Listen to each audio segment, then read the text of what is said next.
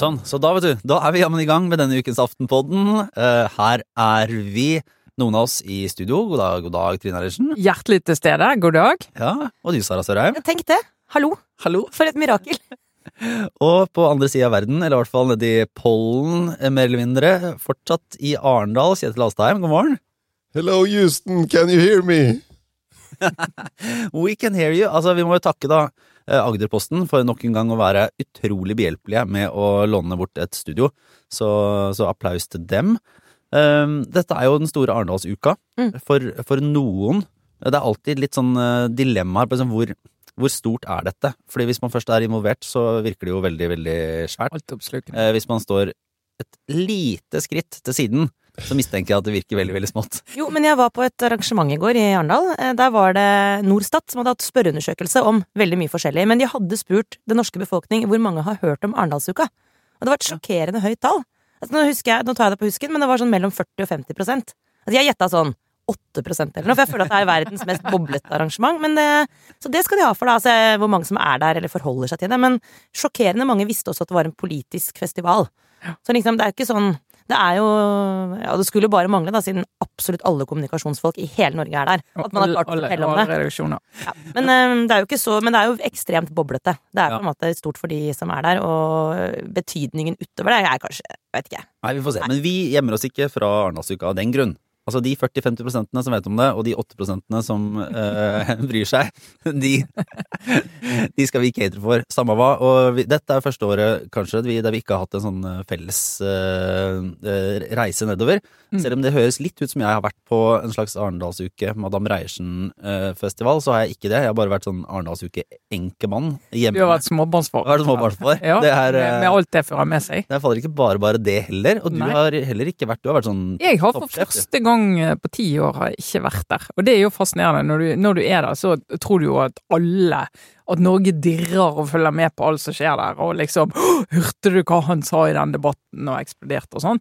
Og så ser du det at den lydmuren for hva som faktisk pipler ut Vi er på det nivået at stabssjefen til Jens Stoltenberg må si at kanskje Ukraina må være villig til å gi opp land før det liksom bryter gjennom lydmuren. Men det, Og det, og det gjorde han jo! Det syns dere. altså, en slags verdensnyhet sluppet gjennom Uh, en, en Arendalsuke-debatt. Det må være en, for en triumf. Det må være. Ja, for hvem? Men jeg kan jo si sånn et godt, men ubekreftet rykte. Altså, mm, denne stabssjefen er jo en veldig hyggelig, veldig høflig dannet mann, som jo gikk rundt som et vanlig menneske, Stian Johnsen, i, eh, i Arendal. Eh, Men jeg synes han var ikke Jeg bare observerte at det virket liksom litt anstrengt. eh, Akkurat noen timer der. Det kan jeg ha stor forståelse for. Det er lett å glemme.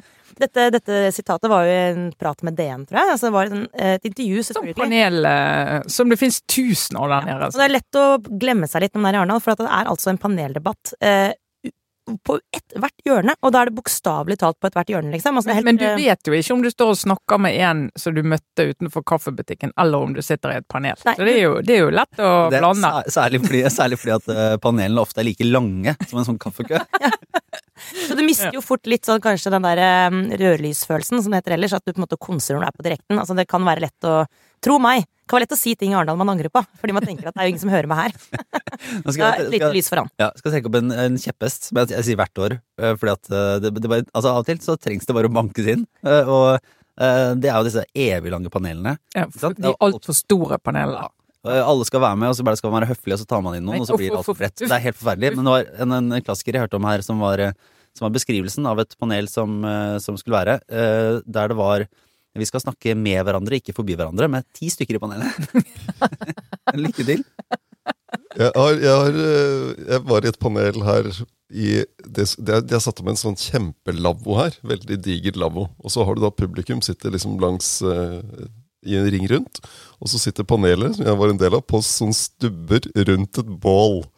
Bål de- i august! ja, og de, Det var jo de 25 fyrte varmegrader i går. De fyrte veldig kraftig. Så det var litt sånn mer følelsen for å sitte i paneldebatt i en badstue enn eh, Og da, da holdt vi oss på de tre kvarterene. Det manglet bare sånn er bjørkeris for å klaske oss på ryggen. Men dette er noe av kjernen for Arendalsuka. Det er jo hvis man ser på hvert enkelt program, og det kan man jo ikke gjøre, da, fordi det er et program som er så stort at det fins ikke et menneske Du må ha AI for å klare å forholde deg til programmet, liksom. Men, eh, men, for det er så mange ting som skjer. Men hvis man ser på liksom, en del av det som skjer, da, så er det jo genuint interessant å være der. Og det, jeg har liksom gått litt sånn full circle på mitt forhold til Arendalsuka. Syns liksom lenge at det var en liksom så teit og selvhøytidelig greie, men nå tenker jeg sånn nei, det er utrolig interessant å være der. Det er Du må ikke være der for lenge. Det er akkurat det. Problemet ikke sant, er at når du først er der, du kommer deg ikke bort.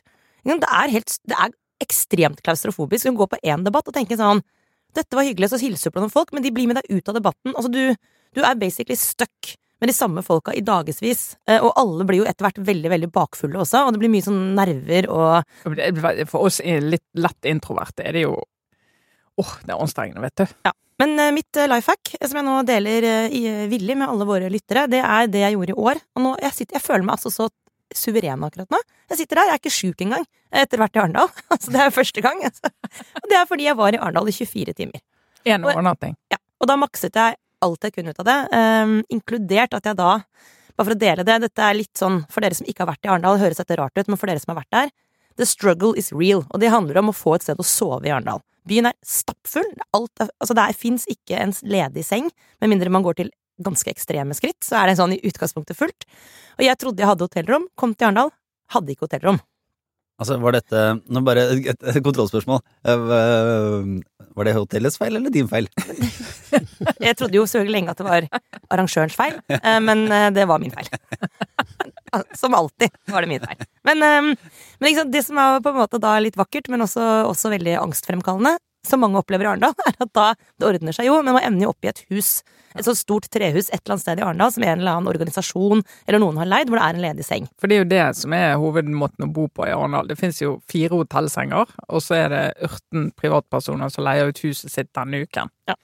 Og det, Den følelsen av å bo sammen med noen uendelig snille mennesker, helt skjønne, skjønne mennesker, som jeg aldri har møtt før, kanskje aldri kommer til å møte igjen, og være hun tenåringsdattera som liksom kommer hjem halv fem, eh, søler en pose potetgull utover gulvet på kjøkkenet, liksom tryner litt i trappa, liksom går og legger seg og bare står opp sånn etter alle andre og er Altså, den, liksom, den følelsen du viser deg jo ikke fra din beste side. Nei. Til disse menneskene. Jeg tenker sånn dette er, det, det må man bare stå i den skammen, men det er jo på en måte sånn Det er litt rart å dele bad og alt det der. Altså hele den opplevelsen av å komme så tett på, men kanskje er det det som er hele poenget der? Men det er jo litt av, eh, hva skal jeg si, både sjarmen og, og utfordringen, sant. Jeg tror, nå hørte jeg, Kjetil, at du, du har fått lov å overnatte i det beryktede rommet bak badet. I det huset som Aftenposten pleier å leie. Der har jeg også sovet. Ja, også Og det, det har noen utfordringer, fordi at når folk er på badet, så er du låst inne på rommet, for du kan ikke gå ut. Det er jo en kollega, du vet ikke hvilken kollega, vet ikke hvilket kjønn. Så du vet at det er en kollega på badet, så du må vente til de har gått ut. Så hvis du misforstår det der knappet i døren med om de går ut eller inn, så kan du plutselig bli stående på det rommet ganske lenge, og så blir det sånn hallo? hallo? Ja, og så er det jo nøkkel i den døra fra, for de som er på badet, så de kan liksom låse deg inne. Og hvis de glemmer å låse opp igjen når de går, så er de jo stuck, da. Ok, ja, ja.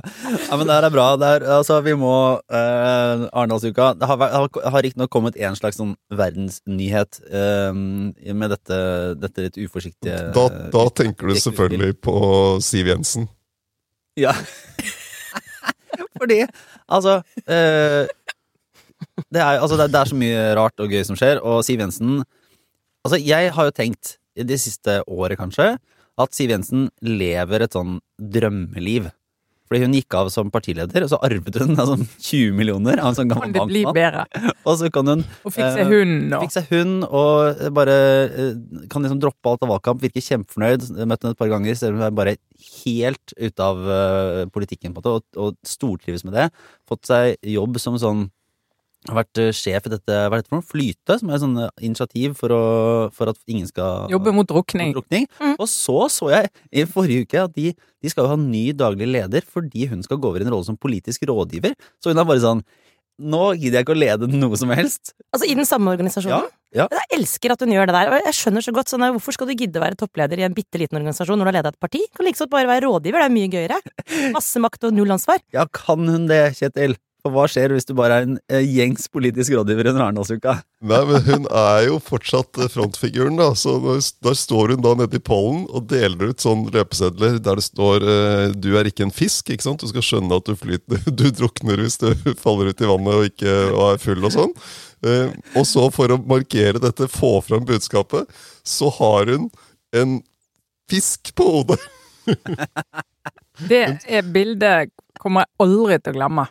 Og dere kan jo bare gange det med 100 når man ser det i virkeligheten. Altså, Kjetil, jeg vet ikke hvor mange ganger du så Siv For den fisken hun har på hodet, det er en sånn maske, på en måte. Det er sånn, en, men den er, Det er et fiskehode.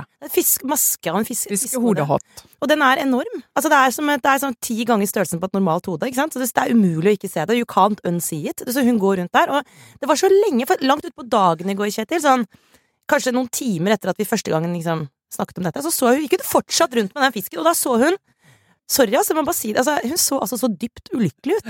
For liksom, Hun gikk, hadde et veldig lei seg eller trist ansiktsuttrykk, og det kan du i hvert fall ikke ha. Du må på en måte stå i det når Du du har en du må stå i det. Ja. Du må eie det. stakkars. Og det tenkte jeg sånn, dette er uverdig.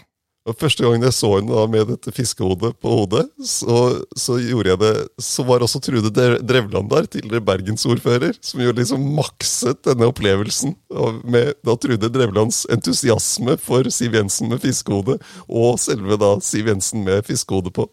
Så det var en peak Arendalsopplevelse.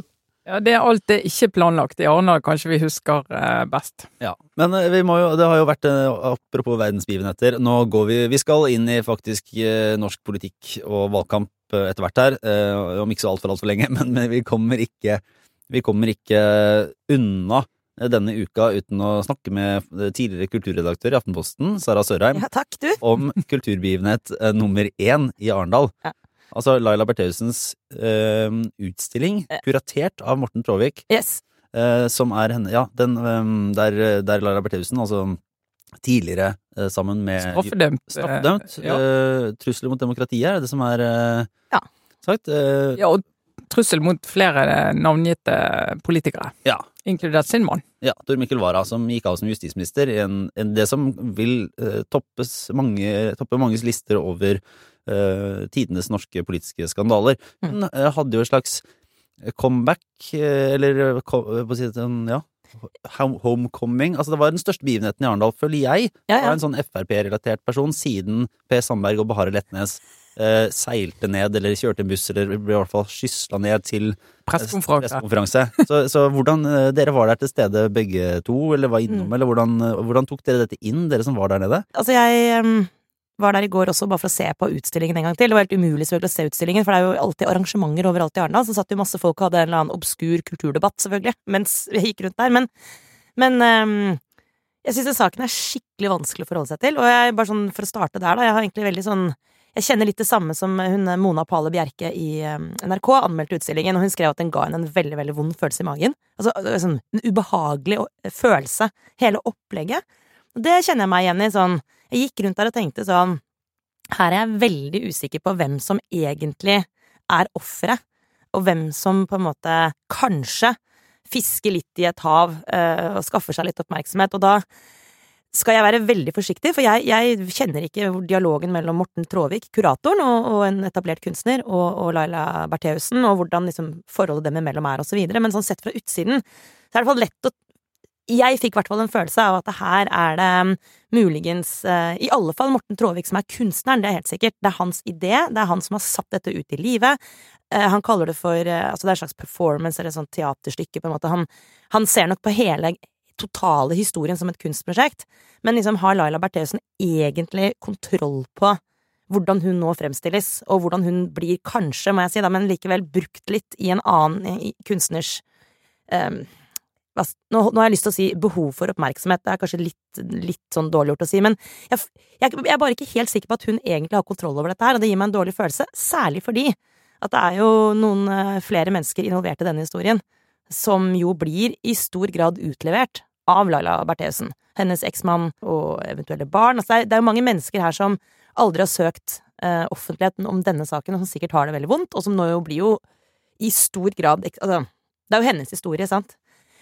Så jeg begynte liksom der. Jeg vet ikke om du fikk noe av den samme emosjonelle reaksjonen, Kjetil, men jeg bare syns det er en litt krevende Jeg, jeg, jeg klarte i hvert fall ikke å bli sånn Jeg fikk ikke sånn blodtåke og ble gira liksom av tanken på Og så gøy, for en gangs skyld. Hvor var du på den skalaen? Jeg har ikke vært der.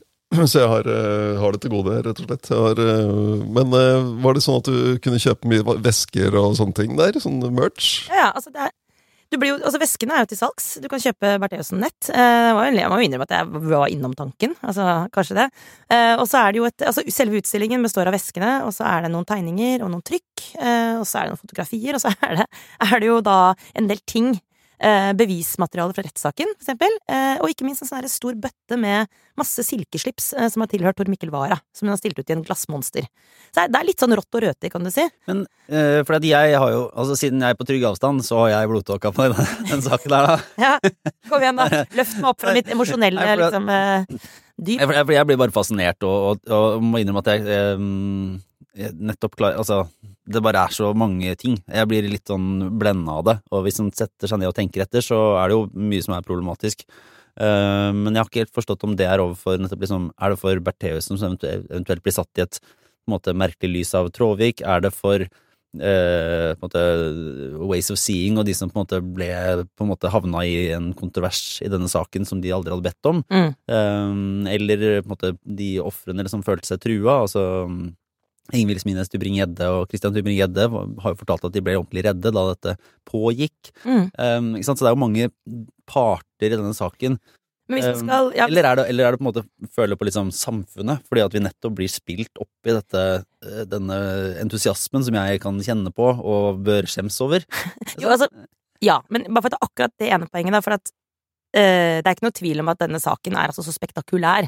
Uh, at, og blir bare sånn litt Altså, det er på en måte sånn Du kan ikke finne det opp. Altså, det er en sånn vanvittig sak, og den har så mange elementer, og det er klart at du blir jo det finnes nesten ikke ett menneske som er interessert i politikk og samfunnsliv som ikke vil bli fascinert av denne saken. Eh, sånn at det, det tenker jeg også ikke har dårlig samvittighet heller for å tenke sånn shit, dette er jo på en måte Underholdende er feil ord å si, men det er jo en eh, ekstremt eh, interessant og fascinerende historie. Um, så, men det er klart at det er et eller annet med balansen i det, da. Når liksom, hele norsk presse står der og på en måte er gira, så ble jeg litt Ja, da fikk jeg den beskrevne dårlige smaken. Men jeg kan jo bare legge til den andre siden ved det, som gjør at jeg syns dette er litt sånn ekte komplisert. Fordi du kan si ja, kanskje er hun Bertheussen også et offer, kanskje er det en kurator her som har vært liksom, som har grepet tak i en person som kanskje burde vært beskytta mot seg selv, og lagd et stort fesjå ut av det. Man kan også vri på det og si eh, Laila Bertheussen er, eh, gjør det hun har er i sin fulle rett til å gjøre. Hun bruker sin ytringsfrihet. Hun har behov for å fortelle sin historie. Hun gjør det, eh, og det bidrar jo til å liksom belyse saken, som vi sier i, pressen. Og det, måte, det er en, en rett hun har, som Hun ikke jeg skal sitte og ta fra henne. Hun kunne jo ha skrevet en bok, Ja. sant? Eh, og der hun kunne kommet med, og i og med sakprosa ikke forholder seg til etikk Spissformulert. Men eh, så kan, jo hun eh, skrive en bok og komme alle mulige påstander fritt, eh, som jo ville blitt lest, det tror jeg. Jeg er ganske sikker på at den boken ville blitt lest, men det hadde kanskje blitt en annen type oppmerksomhet enn dette, da. Men spørsmålet er jo hvis hennes mål er å få oppmerksomhet rundt det. Hun, hun mener jo at hun er feilaktig dømt. Om dette er måten å gjøre det på, eller om det bare forverrer situasjonen. Og det er faktaopplysning, så er det jo altså, sånn som det ble vurdert av domstolene, så, så ble det også, altså, ut fra bevissituasjonen sett som så, uh, avklart at hun ikke fikk prøvd denne saken på nytt. Ja, det er få andre som er enig i at hun er uskyldig dømt. Uh, hvis man skal legge rett, altså dommen til grunn, så er det en veldig, veld, en veldig Den er krystallklar, så det er ikke noe sånn tvil i dette Uh, så langt. Jeg tror, jeg tror bare, også helt sånn rent visuelt, da, hvis jeg skal bare si en Ja. setning om det, altså, hvor, altså metamessig en veldig interessant ting, den utstillingen. Rent mer sånn selve verkene, altså de tingene som vises frem, kan jeg si hun er ganske god i håndarbeid, det skal hun ha for, men hun hadde ikke kommet inn på høstutstillingen, liksom. Altså, i den grad dette er interessant, så er det på grunn av konteksten. Det er jo ikke Det, det, ikke, det finnes eh, visuelle uttrykk som er mer interessante enn enn det hun eh, gjør. Så noen sånn klassisk kunstner er hun jo ikke. Så hvis hun er kunstner, hvis hun skal omtales som kunstner, så er det fordi hun i så fall på en måte har en sånn performativ eh, tilnærming til det. Men jeg tror vi bare må oppsummert liksom si at dette er Morten Tråvik sitt prosjekt, eh, og han, eh, han har fått sine 15 minutes igjen gjennom, gjennom denne utstillingen, Han har jo et talent for det, det må jo sies. og det er hans største talent. Mm. Ikke sant? Og det skal man ikke kimse av. Men ja, gå og se den da, folkens, hvis dere er i Arendal. Så kan dere sende meg en melding og si om dere fikk dårlig følelse eller ikke. Det er mulig jeg bare var litt sånn bakfull og tynn. Kanskje litt annerledes hvis ikke hele pressen er der òg. Ja. Eh, Men eh, det som eh, egentlig eh, hva skal jeg si, hoveddelen av, eh, av denne uka som politisk sett, er jo at det liksom er en eh, oppstart. Eh, I kveld, eh, torsdag, er det jo partilederdebatt. Eh, Det blir jo en, eh, en test for eh, flere. Eh, Og det har kommet en, si, en, en samling, en knippe, en rekke målinger denne uka, Kjetil, som eh, Det er liksom litt ulike retninger, men det er noen hovedbilder. Vi skal snakke liksom, om Oslo spesifikt etter hvert, men eh, hvis du bare tar en sånn, litt oppsummering av målingssituasjonen fra, fra uka som har gått. Det spriker jo en del, da, med retning og sånn. For eksempel hadde VG en, en måling, sånn kommunevalgsmåling, spurte hva folk ville stemme i kommunevalg, der Arbeiderpartiet gikk frem, eh, og Høyre gikk tilbake. Og det fikk jo da eh, Arbeiderparti-nestleder og næringsminister Jan Christian Vestre til å eh, si at dette var en drømmesituasjon for Arbeiderpartiet inn i valgkampen. Det å liksom være på vei opp, og hovedfienden er på vei ned. Og så kom NRK og Aftenposten med en måling dagen etter som viser at Arbeiderpartiet faller, går under 20 på, og, og Høyre holder seg veldig høyt. Så det, der, der er det et sprik. Eh, Vårt Land og Dagbladet kom med en måling der Høyre faller kraftig. Den skiller seg en del fra, fra noen av de andre målingene som er kommet, men det er litt sånn eh, det er, ikke noe tydelig, det er ikke noe tydelig trend på at Arbeiderpartiet f.eks. er på en stigende kurs, øh, og så holder Høyre seg på et ganske høyt nivå.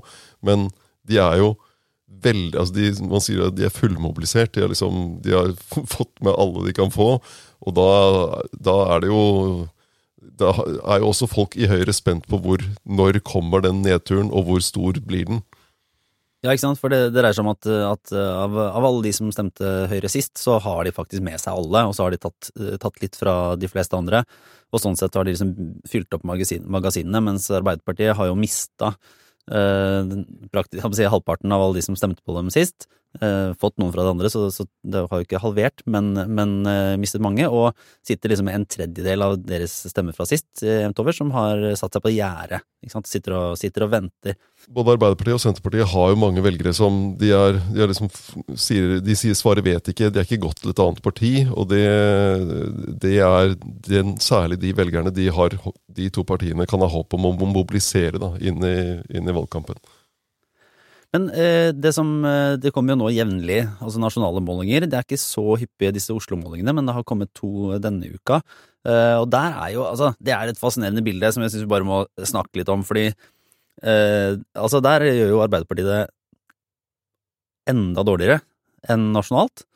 Eh, mens, eh, mens det jo på grunn av eh, et sterkere SV og et eh, ganske sterkt MDG, eh, så, så ligger det jo helt sånn jevnt i blokkene. Eh, selv om Høyre på, på vår måling, eller målingen som er gjort for Aftenposten fra, fra Norstat, hadde vel eh, 36% i Oslo, og det var jo eh, høyt også på en måling VG hadde denne uka. bare, det, er et, altså det er et utrolig spennende bilde, for det kan jo vippe begge, begge veier. Hvis jeg ikke husker helt feil, så var det 80 eh, stemmer. Altså, hvordan var det der? Altså, det, 8, er det riktig? Det stemmer, det. Eh, så skilte mellom eh, rød og grønn blokk? Nei, Ja. nei rød og blå blokk? På, Ja. På VGs måling. VGs måling. Mm. Så, så hvis Ja, det var eh, på en måte den siste liksom, mandatet eh, som ble vunnet, eh, fikk SV da med 80 stemmer, ifølge den, altså, den målingen, da. Og da begynner jo ting å se, ikke sant, for det det Hvis det faktisk blir så tett, så begynner det å bli sant at eh, hver stemme teller sånn. Det gjør det uansett, men det begynner å bli sånn Det er faktisk Altså, det er helt sånn Du må mobilisere hver eneste velger fram til liksom valglokalet stenger helt sånn for real. Og så blir jo også eh, for eksempel personer, personlig popularitet, viktigere. Ikke sant? Sånn som Raymond Johansen, som jo er fortsatt uh, scorer høyt på popularitetsmålinger. eh, mye høyere enn partiet sitt. Vil jo også personlig Altså hans evne til å personlig eh, skaffe velgere, for eksempel, vil jo bli kjempeviktig. Men, hvis det er så tett, ja. ikke sant? Det blir, det blir en annen dynamikk i hele valgkampen. men her, her må, det her er et eh, det spørsmål jeg har, som jeg bare har lyst til å høre deres meninger om. Fordi Raymond Hansen er jo øh, og en populær politiker, stort sett. Og, og kanskje det er sånn altså Jeg syns personlig at han ofte er, liksom en, er en flink politiker, som ofte klarer å eh, kombinere litt den derre mye av det som Arbeiderpartiet ønsker å være god på, med å være på en måte nedpå, folkelig, eh, men tydelig og liksom Ja, han er både, både lavt og høyt, og i det hele tatt liksom er flink fyr. Og jeg tror mange, både i liksom mediene og andre, liker han. Han er en likandes type. Men hvis du ser på det prosjektet og oppslutningen, så har det jo øh, riktignok etter sterkt valgresultat i 2015 og, og, og de overtok byrådsmakten, så har det jo bare gått nedover. Og altså med den oppslutningen nå for Arbeiderpartiet på, på 15-16% i Oslo, så, så altså Raymond Johansen han, han driter seg ut, på en måte. Altså, dette, dette er jo dette er Det, Det var egentlig helt mislykket. Ja, ja, men det Ja, altså, ja, og så går det an å se det For Arbeiderpartiet i Oslo så har jo det vært egentlig helt elendig utvikling, sant. Eh, og han kan jo si så mye han vil at ja, men vi, vi får frem Arbeiderpartipolitikk, og det er ikke sånn at det bare er MDG som vil gjøre byen grønn, vi også vil det. og SV, ja, de vil ha mindre ulikhet, men det vil jammen vi òg. Altså, sånn. Men det han har lykkes med, det er jo å være byrådsleder for den konstellasjonen, sant. Så jeg tror alle, give or take a few, som stemmer på MDG og som stemmer på SV, eh, de er veldig fornøyd med å ha han som byrådsleder. Det er liksom ingen sånn eh, strid rundt det. Og jeg tror også at mange av de lilla velgerne som Arbeiderpartiet mister i Oslo, til Høyre, de også liker han. Men de er litt sånn ok, nå sier jeg at det stemmer Høyre, for jeg syns Arbeiderpartiet har gått for langt til venstre eller for langt til MDG i den perioden. Jeg ønsker en justering, sant? men de liker han som person, og kunne fint ha stemt på Arbeiderpartiet hvis de ikke var der de var da. Så jeg tror altså prosjektet som leder av en konstellasjon er jo vellykket. Klarer liksom det. Eh, men prosjektet som å liksom markere Arbeiderpartiet som unikt viktig å stemme på i Oslo, det er jo mislykket. Og så har han jo, ikke sant, dette blir jo helt umulig å, å, si hvordan hadde spilt seg ut annerledes under andre omstendigheter, men han har jo også ledet Arbeiderpartiet i Oslo i en forferdelig krevende tid for partiet sånn generelt. Eh, og husk, i 2015 så gikk jo Arbeiderpartiet til valg eh, som et storbyparti. De skulle vinne storbyene, og da fikk jo Oslo masse drahjelp fra Youngstorget. Altså det var et, et, bevisst prosjekt å bygge, disse, bygge troverdighet i storbyene, og de lyktes jo egentlig i stor grad med det. Og så vet vi alle historien etter det, og så er det noe Arbeiderpartiet ikke akkurat har markert seg på i alle årene etterpå, så er det jo liksom mennesker som lever i en urban setting, eh, i særlig grad for å si det forsiktig. Mm. Eh, og så skal ikke jeg si at det er ikke altså, Her er det mange som må fordele skyld, men det er klart at eh, eh jeg tror, ut fra hvordan jeg hører det beskrevet, i hvert fall fra rådhuset, at liksom det er, et, det er, ikke en oppfatning i Oslo akkurat av at uh, Oslo Arbeiderparti har fått noe drahjelp sentralt. Tvert imot. Så jeg tror de har i perioder i hvert fall følt seg ganske aleine uh, om dette slaget om Oslo. Uh, og, at, og at de har blitt rammet veldig veldig hardt, selvfølgelig, av den nedturen partiet generelt liksom har opplevd. Sånn at um, det er nok et litt, um, det er et sammen, sammensatt bilde. Men så er det jo noen av de viktigste hva skal jeg si, um, resultatene til byrådet. Altså ta liksom jobb, jobbingen for en bilfri by og sykkelstier og alt dette. MDG får jo æren for det. Mm. Uh, ta skole. Før så mente jo Raymond Johansen at det var riktig at du hadde et fritt skolevalg, sånn at de som kom fra ressurssvake familier, men som hadde veldig gode karakterer, skulle få muligheten til å begynne liksom på en annen skole i et annet miljø. Han har skiftet mening, eh, og er nå selvfølgelig enig med SV i at de skal ha det, og har ment det de siste årene. Men for mange Arbeiderparti-velgere så er ikke det opplagt. Eh, ta eh, kommersielle i velferden. Arbeiderpartiet har, vært pragmatisk. Rødt har pushet veldig, og SV har pushet veldig på at den pragmatismen skal vekk, og du skal inn i dogmatismen. Eh, og det er det en del Arbeiderparti-velgere som ikke er helt sånn noen på venstresiden er glad for det, men de vil føle at det ikke er Arbeiderpartiet som har pushet frem den endringen, det er Rødt og SV. Og noen av de Arbeiderparti-velgerne som er mer i tvil om det, de vil si ja, dette var voldsomt. sant? Så på en del av de store politiske prosjektene så har han ledet det, men ikke Arbeiderpartiet som får æren for det. Ja, så tror Jeg sånn som, eh, jeg tror Arbeiderpartiet får mer av de der som blir sure på at eh, parkeringsplasser blir borte, vanskelig å bruke bil, og altså alle de som reagerer på den type politikk som, eh, som Arbeiderpartiet har vært med på. Men det, en, en ting jeg syns er, er, litt interessant da, med dette valget, hvis, og den utviklingen som vi ser på målingene, om at uh, du har et svekket Arbeiderparti, og så får du uh, SV gjør det veldig bra på en del målinger nå. Uh, hva slags effekt det får på samarbeidskonstellasjoner. Og Der syns jeg Trondheim er et eks interessant eksempel. Fordi der, eh, der, Det er jo en rød-grønn by, liksom definert som det. Og Rita Ottervik har styrt byen som ordfører i 20 år, gir seg nå. Du får en fornyelse der i, i, i flere partier i hovedpersoner. Men det du ser der, er at eh, SV er jo omtrent like stor altså De, de blir omtrent jevnstore med Arbeiderpartiet. Og der Det kan få en effekt for Senterpartiet som, som kan komme på vippen her. Senterpartiet har vært en del av den der rød-grønne ko koalisjonen. Men i Senterpartiet så er det en ganske stor skepsis til et samarbeid der SV blir så tungt, SV pluss Rødt eventuelt, at det, at det kan være med på altså at du, velgerne på venstresiden i Trondheim går lenger mot venstre, og det kan føre til at makten skyver seg til høyre hvis Senterpartiet da skifte side. Husk at dette er jo Ola Borten Moes bastion, så du har en del borgerlige trekk i Senterpartiet i det området. Og det, er, det er sånn, kan bli en interessant effekt av at velgere går lenger til venstre. Hmm. Men hvis vi bare ser på Vi må snakke litt om Høyre i Oslo også, for det er jo et fenomen. altså Det gjør det jo helt eh, vanvittig bra. Uh, ligger sånn 35-40% på, på ganske mange målinger. Uh, så, hva, er de, hva, er det de, gjør riktig, Kjetil? Det, Nei, det, er mulig at altså, velgerne i Oslo har fått med seg at ja, altså, byrådslederkandidaten til Høyre heter Solberg. Og ja, Erna hun er jo kjempebra, så kjør på, liksom.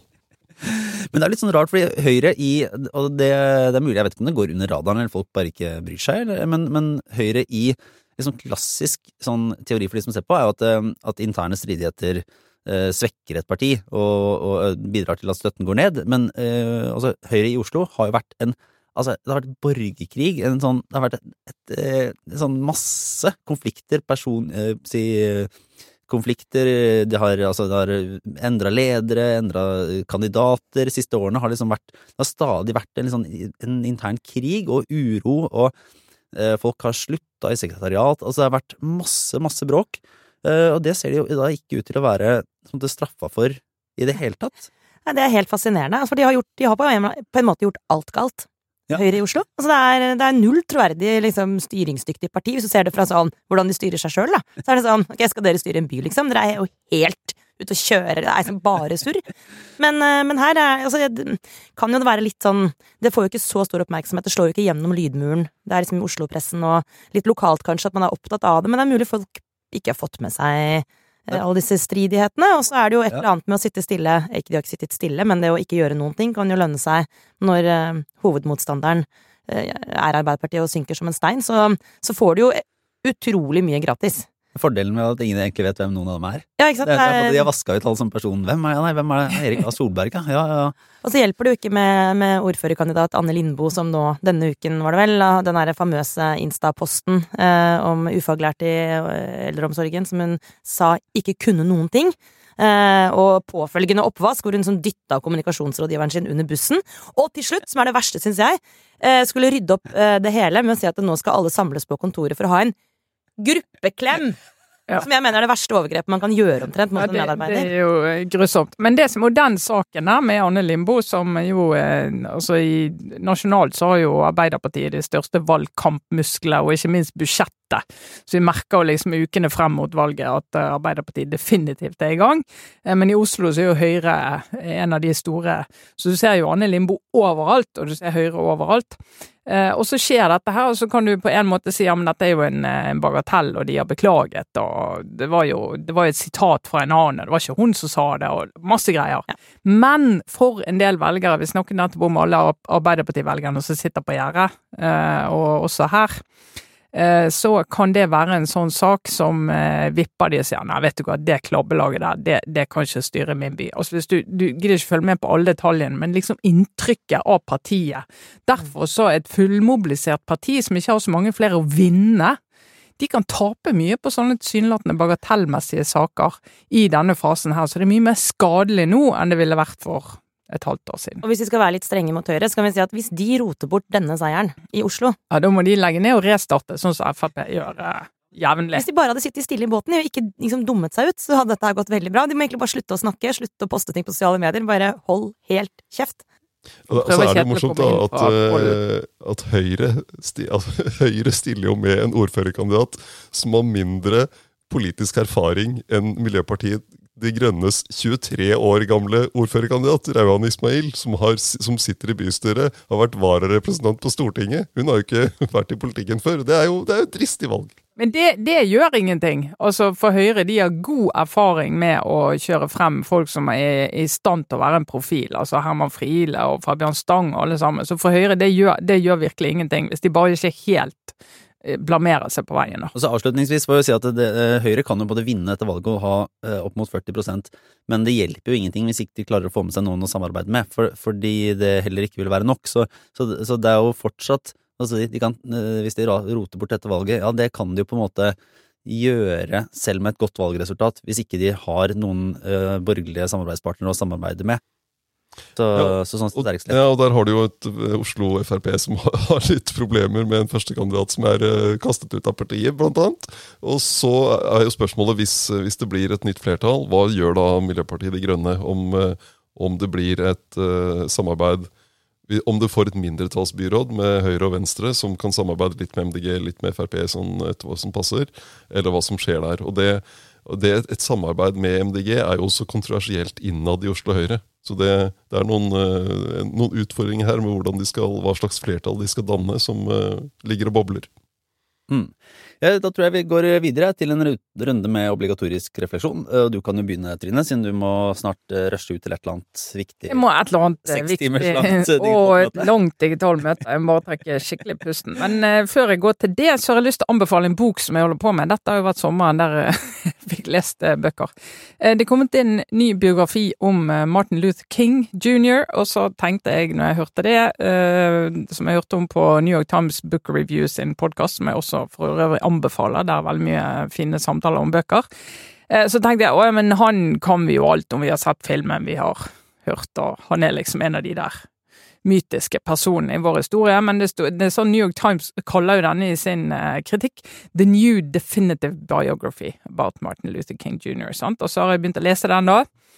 Eh, og det er bare å anbefale den boken, for da tar du en av disse store mytiske historiene fra forrige eh, århundre, blir det da.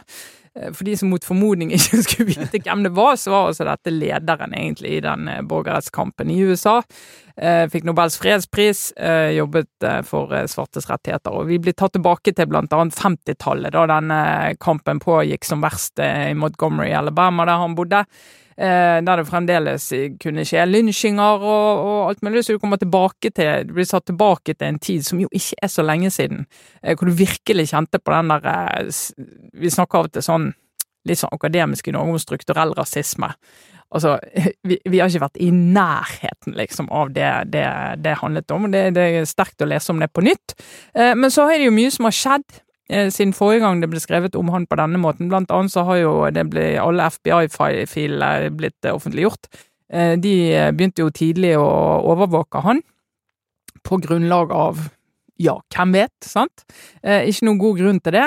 Overvåke alle samtaler, prøvde å plante i pressen eh, ikke fordelaktige historier om han, så pressen faktisk forbilledlig ikke helt plukket opp. Eh, og ikke brukte på den måten som FBI hadde tenkt de skulle gjøre det, for FBI var jo redd for en revolusjon, sant? og det var jo en revolusjon. Men det var en ikke-voldelig revolusjon, det var jo prosjektet hans, det er jo det som var unikt og egentlig fantastisk med det. Eh, og det forteller mye om prisen han måtte betale for eh, dette. Hadde han levd, så hadde han vært 94 år. Han ble, Altså, han kunne jo mer eller mindre vært president i USA. han kunne vært president i USA. Han ble, som vi vet, skutt. Eh, men eh, hele denne historien òg, og, og liksom kontekst, sant, etter krigen Verden var i sjokk etter jødeutrydelsene. Begynte å bli en sånn bevissthet i masse kolonistater om eh, rettigheter og menneskeverd, og hva er et menneske, er alle mennesker like mye verdt? Sant? Du fikk opprør mot kolonistater og frigjøring, og så kom denne borgerrettskampen inn i denne konteksten, eh, og måten han jobbet på, og hvordan han hadde det. Han hadde det jo ikke veldig lett, han. Er, Og de nær han hadde det jo ikke veldig lett. Så jeg anbefaler veldig denne boken, faktisk. En veldig kul. Er den sånn bare fordi at det er greit å vite før man begynner? Av og til, i hvert fall hvis man leser det digitalt, så klarer jeg aldri å skjønne om man begynner på en sånn tusensidersbok eller en Er dette eh, en for tjukk bok, er det du lurer på? ja, Ja, ja, er det en for tjukk bok? Jeg er ikke helt sikker, for jeg leser den på Kindle. Ja. er litt usikker. Jonathan Eig heter han som har skrevet den. Eh, Og jeg synes han, eh, og er veldig godt intervju med han òg i den podkasten som jeg nevnte, New York Times Book Review. Ja, men Så bra, Trine. Jeg kan la deg stikke av og glede deg over det store digitale møtet. Eh, Så kan egentlig jeg kan fortsette med en, eh, en anbefaling og en liten sånn en leseropplevelse som faktisk eh, går inn i Oslo-politikken og egentlig lokalpolitikken. For det var en, en god sak i Dagens Næringsliv oh, ja. i helgen som, som gikk, om hvordan eh, Altså, det er, det er et sånn motsetningsfylt eh, liten historie om, om Grünerløkka Senterparti. Og det høres jo ut som en Hva er det det heter? Contradiction in terms. Ja, I det hele tatt at de eh, eksisterer. Ja, ikke sant?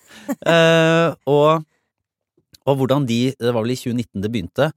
Uh, altså, og her kan jo historien det har litt å si hvordan man bruker ordene her. Om de ble utsatt for et forsøkt uh, kupp, eller om eh, de bare fikk nye medlemmer som ville endre alt. Altså Her kan vi jo bare sånn kjapt, da, for de som ikke har lest saken, anbefaler virkelig å lese saken. Men, men ja, for det er jo ufattelig mye som skjer i denne historien, men akkurat det her er jo kjernen at i politikken, hvis demokratiet virker, så er jo akkurat dette her faktisk også mulig å få til, nemlig at eh, mange mennesker kan melde seg inn i et bitte lite lokallag og egentlig ta over ledelsen av det lokallaget gjennom simpelt flertall.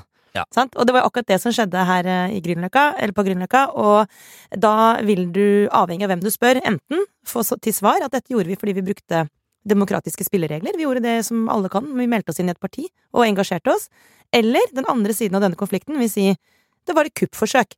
Det kom inn en gjeng som prøvde å ta over eh, Grünerløkka Senterparti og gjøre det til noe annet enn det der. Ja. Dødsfascinerende. Så her er jo starten, bare. Og det, ja, ikke sant? Og, og jeg, jeg tror rent objektivt så vil man eh, si at det er i nærheten av et kupp. Fordi det var jo en gruppe med hva skal jeg si, mer, sånn, mer nasjonalt retta, eh, litt sånn mer anti-pride, eh, konservative, som, som gikk inn, og hvis man tenker sånn normal, demokratisk, liksom sånn skikk og bruk, normmessig, så vil du kanskje gå inn og så engasjere deg i et lokallag, påta deg verv, eh, og så vil du liksom gradvis eh, prøve å påvirke eller få inn noen i styret og liksom se på deg selv som en fløy i et lokalparti.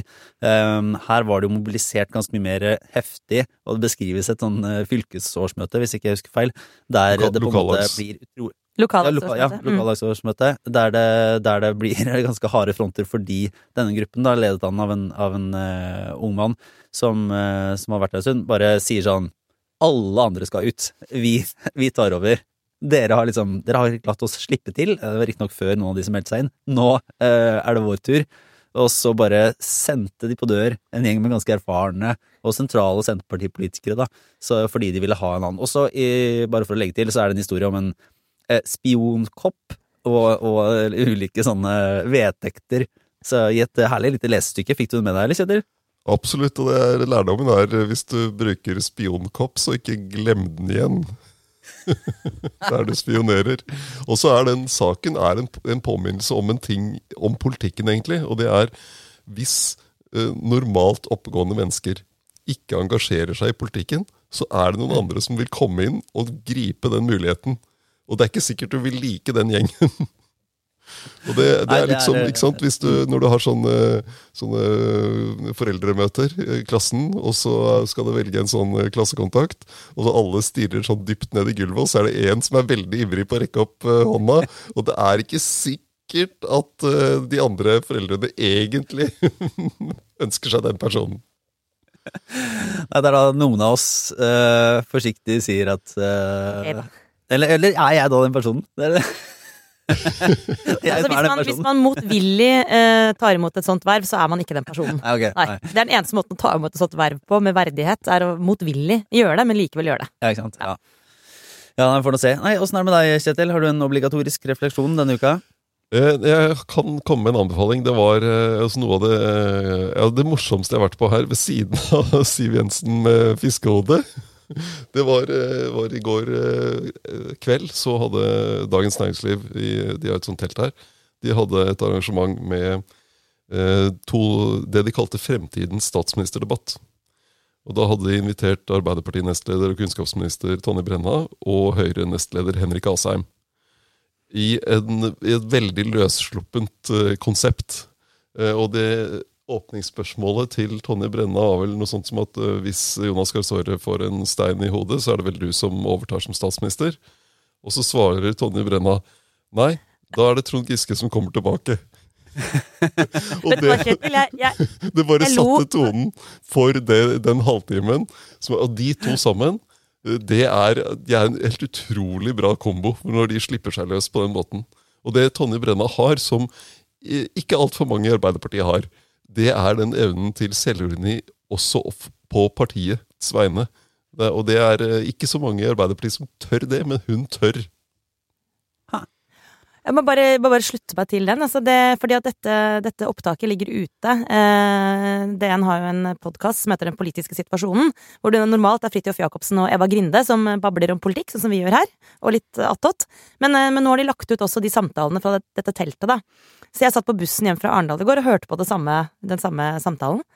Og altså, jeg ble Altså, jeg lo så høyt eh, underveis der, og det kan jeg bare si kan ikke huske sist en Arbeiderpartipolitiker i et sentralt verv liksom fikk meg til å le så godt. Eh, som det Tonje Brenna gjør, i, i eh, pardans med Henrik Asheim. Da, for det er jo som du sier, Kjetil, det er noe med dynamikken mellom de to. Men jeg ble for det første underholdt, så jeg også varmt anbefaler å høre den, eh, det opptaket. Eh, men jeg ble også sånn ekte glad, Kjetil, for jeg tenkte sånn åh, endelig to politikere med den typen overskudd. For det har vært en ufattelig krevende tid sånn virkelig de siste årene, sånn globalt og på et overordna nivå. Samtidig som det har vært utrolig mange skandaler, personkonflikter, liksom kjipe saker i norsk politikk. Jeg tror det har vært vanskelig generelt å være norsk politiker de siste årene. Mange som har kjent på sånn der tunghet, inkludert kanskje meg selv, jeg vet ikke. Jeg bare, jeg bare sitter og tenker på det, for jeg følte at det var en sånn letthet et overskudd og en tilstedeværelse hos de to som bare var så deilig å se igjen. Vet ikke om du skjønner hva jeg mener, Kjetil? Jo, det var litt som å se Viggo Venn ta av seg masse sånne uh, gule refleksvester. Samme følelsen. Litt sånn helt fritt, og dette er bare gøy. Ja, det høres, uh, høres jo bra ut. Uh, men da kan altså, den ligger da i feeden til den politiske situasjonen. Ja, den ligger ute som podkast. Så det, ja, det er bare å gå inn og høre. Jeg må sikkert abonnere litt og sånn, men det er verdt penga. Og så tror jeg også, Kjetil, helt sånn det du var inne på, det med Tonje Brennas evne til å kommunisere, også med humor og selvironi. Um, jeg er ganske sikker på at hun uh, er det partiet trenger akkurat nå, når det gjelder liksom å løfte historien, eller narrativet, da, for å bruke det ordet, uh, om Arbeiderpartiet. Og så er det en vanskelig jobb, men liksom, der er det i hvert fall et potensial som kommer veldig tydelig frem, da, i at hun kan med overskudd og litt humor kanskje klare å få, få i hvert fall få de inn på litt, et litt annet spor. Uh, for hun snakker jo med overbevisning om det politiske prosjektet også. Det er ikke som at hun bare har en sånn Nytt på nytt-tone. Mm. Men den, eh, den, er i hvert fall mer konstruktiv, den måten hun gjør det på, enn de aller, aller fleste andre i sentrale posisjoner der får til. Mm. Ja, men det er bra. Åssen er det med deg, Sara? Nei, jeg kan anbefale noe, jeg òg, da. Ja. Jeg er skikkelig positive. Så bra. Eh, Dynastin. Mange har sikkert hørt det, og vi har snakka så vidt om det før. Det er en podkast som ble laget av, eller er blitt laget av Svenska Dagbladet, ja. som er en søsteravis eh, for Aftenposten i Sverige. Nå er den også ute på Podme, eh, og det er jo en utrolig bra podkast, og jeg kommer sent til festen her. Ja, fordi vi snakket, jeg, eller jeg snakka litt om den på, på godeste den podkast-anbefalings-sommerpodkasten vår, så mm. hvis ikke man har hørt den, så kan man gå tilbake og få flere anbefalinger enn den. Men nå har du hørt, nå har du hørt den? Ja, nå har jeg hørt den, og øh, den, har, den podden er akkurat sånn som, som, er så deilig, sant? for den kombinerer minst to ting. Det er en god historie. Altså, det er i seg selv en god historie. Altså, det er en fascinerende, dramatisk uh, fortelling om en av Sveriges rikeste familier, uh, og hvordan, liksom, hvordan uh, Kinnevik-selskapets eiere, altså Stenbeck-familien, fra far til barn, er et generasjonsdrama, minner om Succession. helt garantert inspirert av den TV-serien, men dette er det virkelige livet. Ekstremt underholdende. og i tillegg så er det ganske sånn um, du kan lære en del av det, for at de går inn i en del universelle problemstillinger. Det er liksom det familiedrama i Stenbeck-familien, men det er samtidig også en fortelling om hva som skjer når penger og makt går i arv. Um, litt sånn første generasjon, andre generasjon, tredje generasjon, og så videre, og hvilke klassiske problemstillinger det der eh, virvler opp, da. Eh, for eksempel bare det å være en som har startet et selskap, være gründer, være liksom med hud og hår investert i eh, et industrieventyr, eh, mm. til å bare arve mange milliarder og tenke sånn, jeg vil heller drive med bærekraftig klesdesign. og da, da, er helvete løs. Mm. Det er bare, jeg må bare virkelig varmt anbefale den, hvis ikke dere har hørt den. Det er en, det er en, det er en god podkast, rett og slett. Ja, det, er, det er jo et det er jo, det er, jeg er halvveis i den omtrent, og det er jo sånne historier som er et veldig godt argument for arveavgift, vil jeg si. Ja. 100% Ja ja. Nei, men eh, da tror jeg vi runder av. Vi kan jo takke alle de som var på, på Øyafestival eh, live eh, si, samtalen vår. Det var veldig hyggelig. Det var overraskende mange. Det var jeg glad for. Selv om vi var oppe i et hjørne, så var, jeg måtte gå et, et, par kilometer for å finne oss. Men det var det heldigvis en del som gjorde. Eh, så det var eh, trivelig. Eh, vi kan jo bare minne om at nå er det noen veldig veldig få billetter igjen til valgoppsummeringen dagen etter valget, 12. eh, september, på Sentrum Scene i Oslo. Det er praktisk alt utsolgt, men jeg tror det er noen, noen få billetter igjen. Så hvis man løper på, til Ticketmaster eller hva det måtte være, og får sånne billetter der, så er det mulig. Eh, Og til alle dere som nå hører dette åpent ut i, eh, i eh, for eksempel Spotify eller iTunes eller andre ting, så bare minner vi om at man kan høre oss hver uke eh, hos Podme, eller som Aftenposten-abonnent i Aftenposten-appen. Så vi fins eh, hver eneste uke til glede eller ergrelse for de som måtte, måtte tenke det. Jeg kan bare sende en liten hilsen helt til slutt til en av våre lyttere eh, som jeg møtte på fest i Arendal, eh, som jo eh, var så skjønn og sa at jeg irriterer meg altså så sinnssykt over dere, og særlig deg, Sara. Du blir jo fader meg aldri ferdig, liksom. Kom til poenget. Men jeg klarer ikke å la være å høre på. Og tenkte jeg sånn Fantastisk! Tusen takk! Da får vi fortsette med det. Men, men Lars, altså, det er en ting vi har glemt i dag. Å, er det det? Bodø er? Arbeiderparti. Bodø Arbeiderparti, en ekstra liten hilsen til eh, Bodø Arbeiderparti, som jo var eh, som, som Altså, enten eh, vi, må, ja, vi tar det helt kjapt. De var jo de som da la ut en rekke med sånne fine valgkamp, sosiale medier, eh, digitale plakater. Eh, blant annet en sånn, nå fritt sitert, eh, vi skal begynne å vurdere og tenke på om vi skal innføre en mulig klarspråkmodell i Bodø kommune. Altså, det var så kronglete og rart at, at Men, men, men av de plakatene, er sikkert mange som har fått med seg allerede, men jeg har én favoritt. Ja. Og det er den 'Vi skal sette sosial egenberedskap på dagsorden'. Og så, og så har jeg lurt litt på hva er sosial egenberedskap, og jeg, jeg tror jeg skjønte. det. Vi har fått Ja. beskjed om at vi skal ha sånn en dunk med seks liter vann i kjelleren. I tillegg Ja. skal du ha en venn og to flasker vin. Altså, på samme måte som Tonje Brenna og Henrik Asheim ga meg litt sånn eh, livsgleden og troen på politikken tilbake, så, så kan du vel si at eh, det, denne her sosiale mediekampanjen til Bodø Arbeiderparti På en måte så er det jo sånn Nei, men vet du hva, her går jo alt eh, Her går jo alt, all politisk engasjement for å dø. På en annen side, det er det snilleste, søteste, mest sånn ubehjelpelige Altså, det er det minst sånn ond spinndoktoraktige jeg noensinne har sett. Altså, det er på en måte også litt sånn rørende. Jeg ble Ja. nesten litt glad. Ja, men også kom de jo tilbake, og her all ære, eh, med en eh, ny sånn plakat som sier da altså eh, I lys av siste tidens mediekritikk skal vi vurdere å oppnevne et utvalg for å belyse eventuelle forbedringer. Som er bare sånn, ja ok, Det er alt er tilgitt, alt er tilgitt. Eh, godt eh, godt eh, sosiale medier-valg til eh, Bodø Arbeiderparti og Anne Lindboe Valle måtte, måtte prøve å forsøke seg i dette minefeltet. Ja, nei, men det var denne ukens Aftenpodden. Eh, takk for uh, følget denne uka, så er vi tilbake neste. Ha det bra. Therese, Sanne? Lill Tay er ikke død. Nei, jeg visste ikke engang at, hvem hun var jeg, før i dag, men det var veldig flott at hun fortsatt lever i beste velgående. Vi er tilbake med en ny sesong av Poprådet, og Dag Sørås har prata litt om Lizzo. Ja, for en pangstart. Og så snakker du om Danny McBride. Ja, kunne holdt på hele dagen. Hør Poprådets nye sesong i Aftenposten-appen eller hos Podme. hos, hos, hos, hos, hos.